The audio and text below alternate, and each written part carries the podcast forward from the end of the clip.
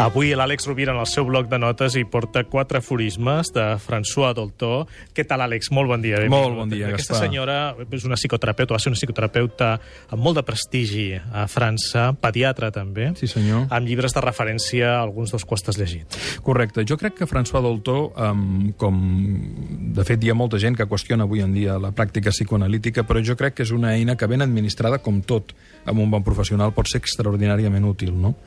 Um, I en aquest sentit, penso que aquelles persones que els interessi tot l'aprofundiment, tot l'estudi de la psicologia i sobretot també de la, de, de, de la psicologia infantil i de l'evolució de l'infant, um, han de llegir a Dolto.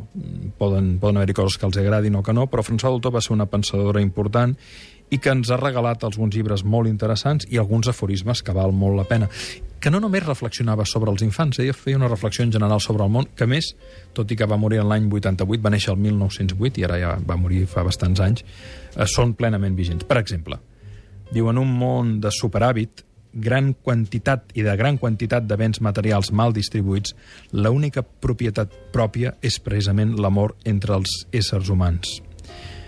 Es necessita una gran maduresa, també deia, per poder ser pare o mare, perquè es tracta de ser conscient de que això no és una posició de poder, sinó una posició de responsabilitat, i no tenim dret a esperar un intercanvi.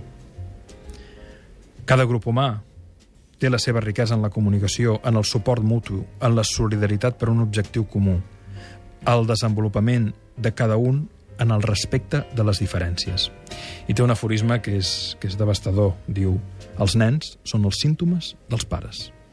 Els nens són els símptomes dels pares. Jo recomanaria aquí, per les persones que vulguin introduir-se a l'obra de, de Dolto, un llibre que es diu Dolto per a pares, d'un autor francès que es diu Jean-Claude Liodet. Moltes gràcies, Àlex, per aquestes recomanacions. Que tinguis molt bona setmana. Molt bona setmana, una abraçada, Gaspar.